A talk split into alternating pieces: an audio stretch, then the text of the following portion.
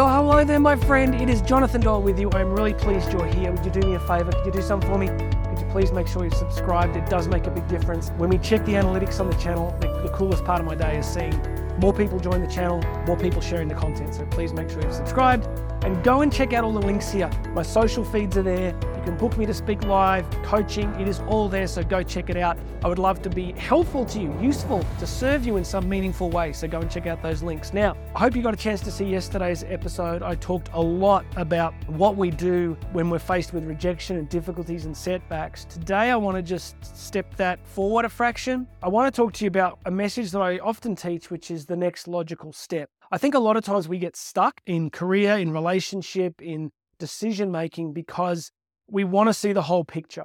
And I'll give you a real example. One of my kids at the moment, they're making a big decision, and we were driving in the car the other day, and they're like, they're trying to, they were asking me, well, what if that part of it doesn't work? And will I be able to undo it and, and work it backwards and go back to what I had before? And we're talking through this, and, you know, my poor kids, they, they hear these same things all the time. But I was like, you know what? What we need to do is we need to take the next logical step. So I teach this all the time. The next logical step. That's what we need to do. We get stuck in the tyranny of how, right? The tyranny of strategy. We we face something in life, we want to do better financially, we want to do better physically, we want to do better relationally, spiritually, and we start to really think deeply about how do I do this and what do I do and and what are the steps for that? Now, look, I get it. It's it's important, especially on big projects, right? You want to, you know, anybody with a project management background knows you've really got to step that sort of thing out. But in your own life, you don't get to control every variable. You fundamentally don't. What you get to do is act on the movements of your heart. You get to move on the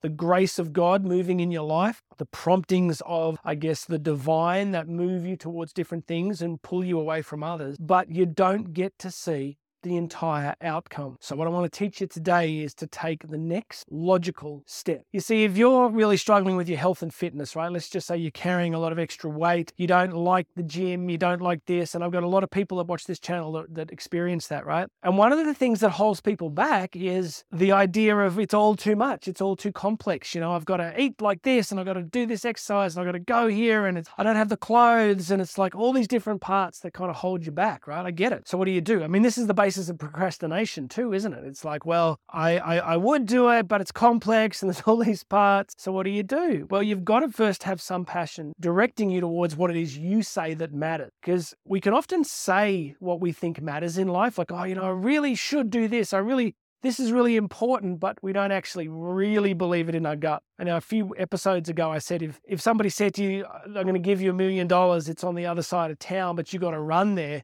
Friends, I don't care what physical shape you're in, you're going to find a way, right? So we've got to get in touch with why we're passionate about something, why it matters to us. And then instead of overburdening ourselves with vast amounts of strategy, we just need to take the next logical step. So with the fitness example, it's like you might just need to buy a pair of training shoes, or you might just need to make one phone call, or you might just need to walk around the block. And then the next day you walk around the block one and a half times. And then in, in 18 months' time, you're running marathons. Who knows, right? So I just want to say to you today whatever area of your life is significant for you at the moment, whatever you're trying to change health, fitness, spirituality, relationships, finance, whatever it is let me ask you a question. If you want to move this forward, now don't think too hard about this because when I ask you this question, you will know the answer instantly. You ready? Whatever this area in your life is, what is the next logical step? Now, I'm almost certain that you answered that intuitively and instantly.